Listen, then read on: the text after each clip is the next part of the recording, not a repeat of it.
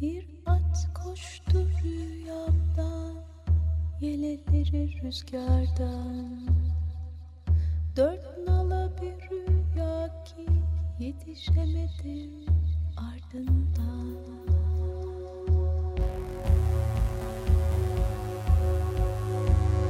Ebedi yok oluş. Forever extinct. Hazırlayan ve sunanlar Virginia Patrone ve Çiğdem Fidan.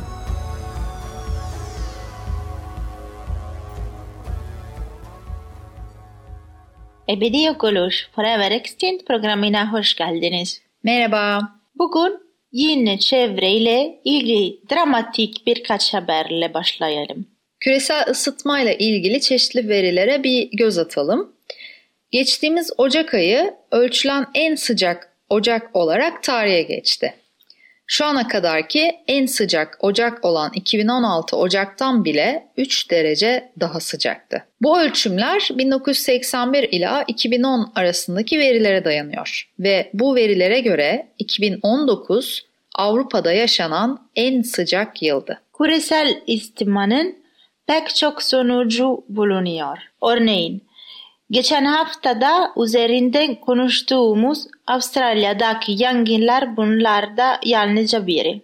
Şimdi bu yangınlardan etkilenen iki türe daha yakından bakalım. Bunlardan ilki bilimsel adıyla Euperipaptoides rowelli olarak anılan kadife kurt. Kadife kurt adını vücudunu kaplayan şahane kadifemsi yapıdan alıyor. Bu hayvanlar oldukça sosyal varlıklar. Hep birlikte uyuyorlar. Biri bir av yakaladığında hep birlikte yiyorlar. Bu kurtlar Avustralya'da yangından etkilenen ulusal parkların birinde yaşıyorlardı. Ee, uzmanlar türün neslinin yok olup olmadığı konusunda bir şey söyleyebilmek için henüz erken olduğunu söylüyor. Yangınların etkisi geçtikten birkaç ay sonra daha net bilgilerin ortaya çıkabileceği söyleniyor. Avustralya yangınların ardından nesli tehlike altında olabilecek başka bir tür ise gezegenin en ilginç memelilerinden biri olarak kabul edilen ornitorenkler yani bilimsel adıyla Ornithorhynchus anatinus. Ornitorenkler Avustralya'nın yangınlarından en çok etkilenen doğu kıyısında bulunuyorlar. Ornitorenklerin nesli yaşam alanlarının kaybı ve yabani kedilere av olmaları dolayısıyla zaten tehlikedeydi.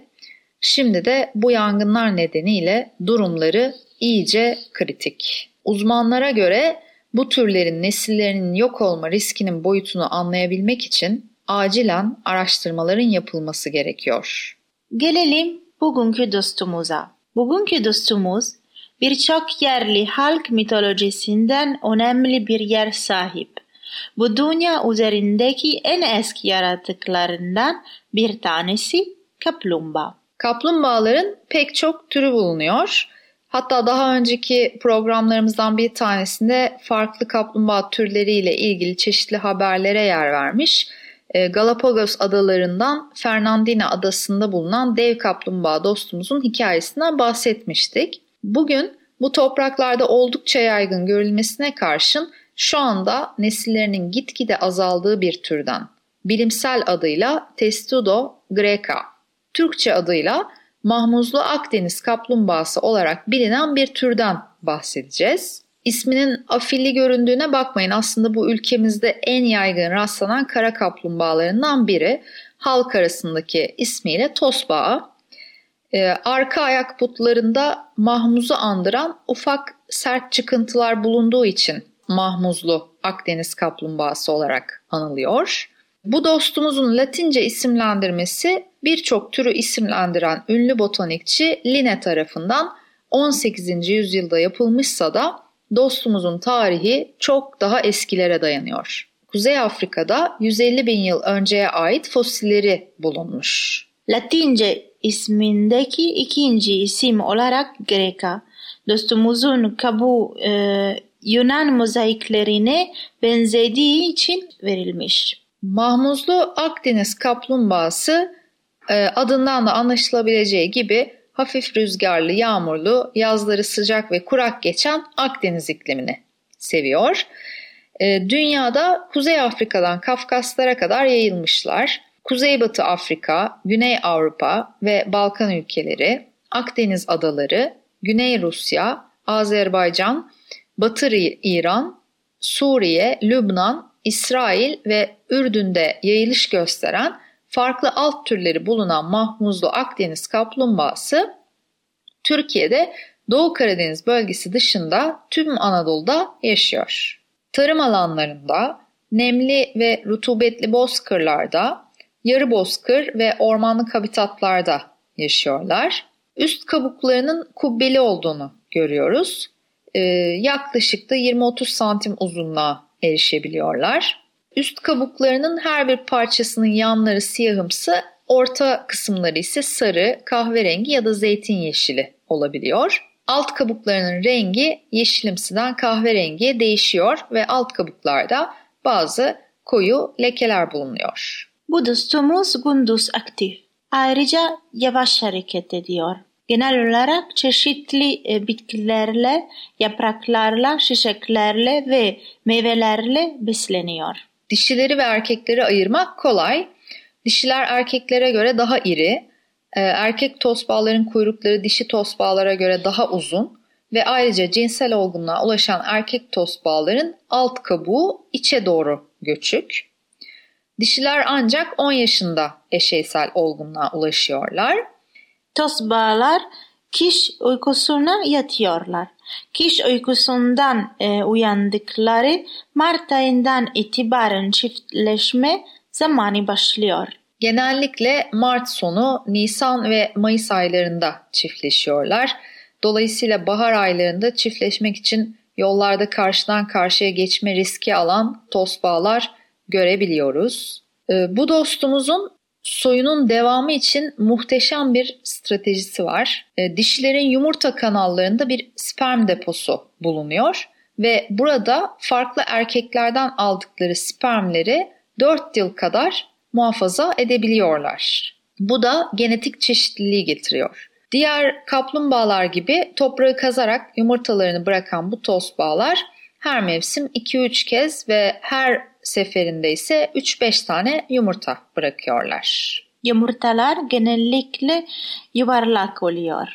Dişi tosbağa yumurtaları nemli toprakta arka ayaklarıyla oyduğu bir çukurun içine bırakıyor. Sonra başkaları almasın diye yumurtaların üzerine toprakla örtüyor. İki ayda olmadan yavrular yumurtadan çıkıyor ve kendi kendilerine beslenebiliyorlar. Ee, aslında dünya üzerinde oldukça geniş bir alanda yaşayan bu tosbağa popülasyonları çok dağınık halde bulunuyor. Üstelik de günümüzde IUCN'e göre bu tosbağanın nesli hassas kategorisinden yani herhangi bir şey yapılmazsa nesli azalacak. Nesillerini tehdit eden unsurların arasında yaşam alanlarının daralması ve tahribatı, esaret altına alınmaları, orman yangınları, vahşi kentleşme, kötü ve sorumsuzca yapılan tarımsal faaliyetler bulunuyor. Şimdi eminim ki hemen hemen hepimiz kırsalda bir tosbağa ile karşılaşmışızdır ve hiçbirimiz bu kadim hayvanların nesillerinin azalabileceğini düşünmemişizdir bile. Ama bugün bu muhteşem hayvanların nesilleri tehdit altında. Yani bizden uzak diyarlarda yaşayan, adını sanını duymadığımız canlılar kadar yanımızda yöremizde yaşayan ve hep bizimle olacağını düşündüğümüz canlılar da türlerin 6. kitlesel yok oluşundan payını alıyor. Ve yeniden yeniden vurgulamakta yarar var ki bugün bu yok oluş hikayesi insan eliyle gerçekleşiyor. Dinlediğiniz için çok teşekkür ediyoruz. Programın illüstrasyonlarını sosyal medyada paylaşacağız. Bize Instagram ve Facebook'tan ulaşabilirsiniz. Bugünkü şarkımız Julie London'dan The End of the World ve bu şarkımızı bugünkü dostumuza adiyoruz. Ben Virginia Elena Patrone. Ben Çiğdem Fidan. Gezegendeki her şey. Çok güzelsiniz ve sizi seviyoruz.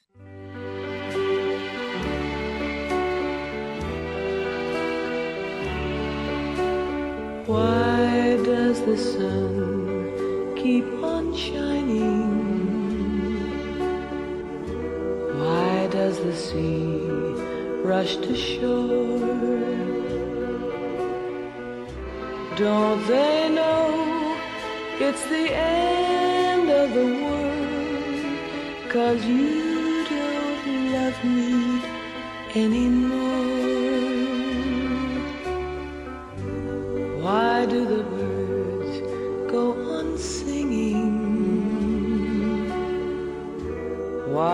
The stars glow above? Don't they know it's the end of the world? It ended when I lost your love. I wake up in the morning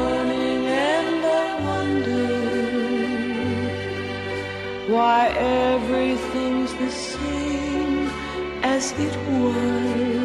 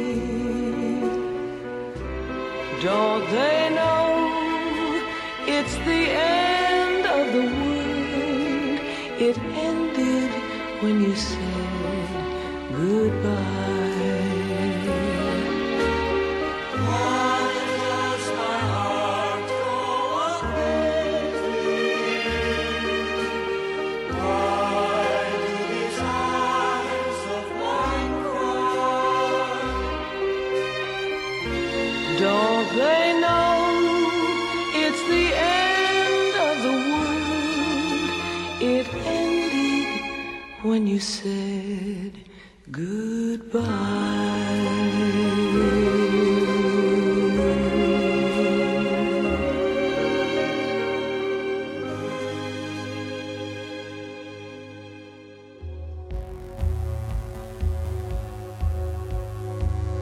Ebedi yok olur. Açık Radyo program destekçisi olun.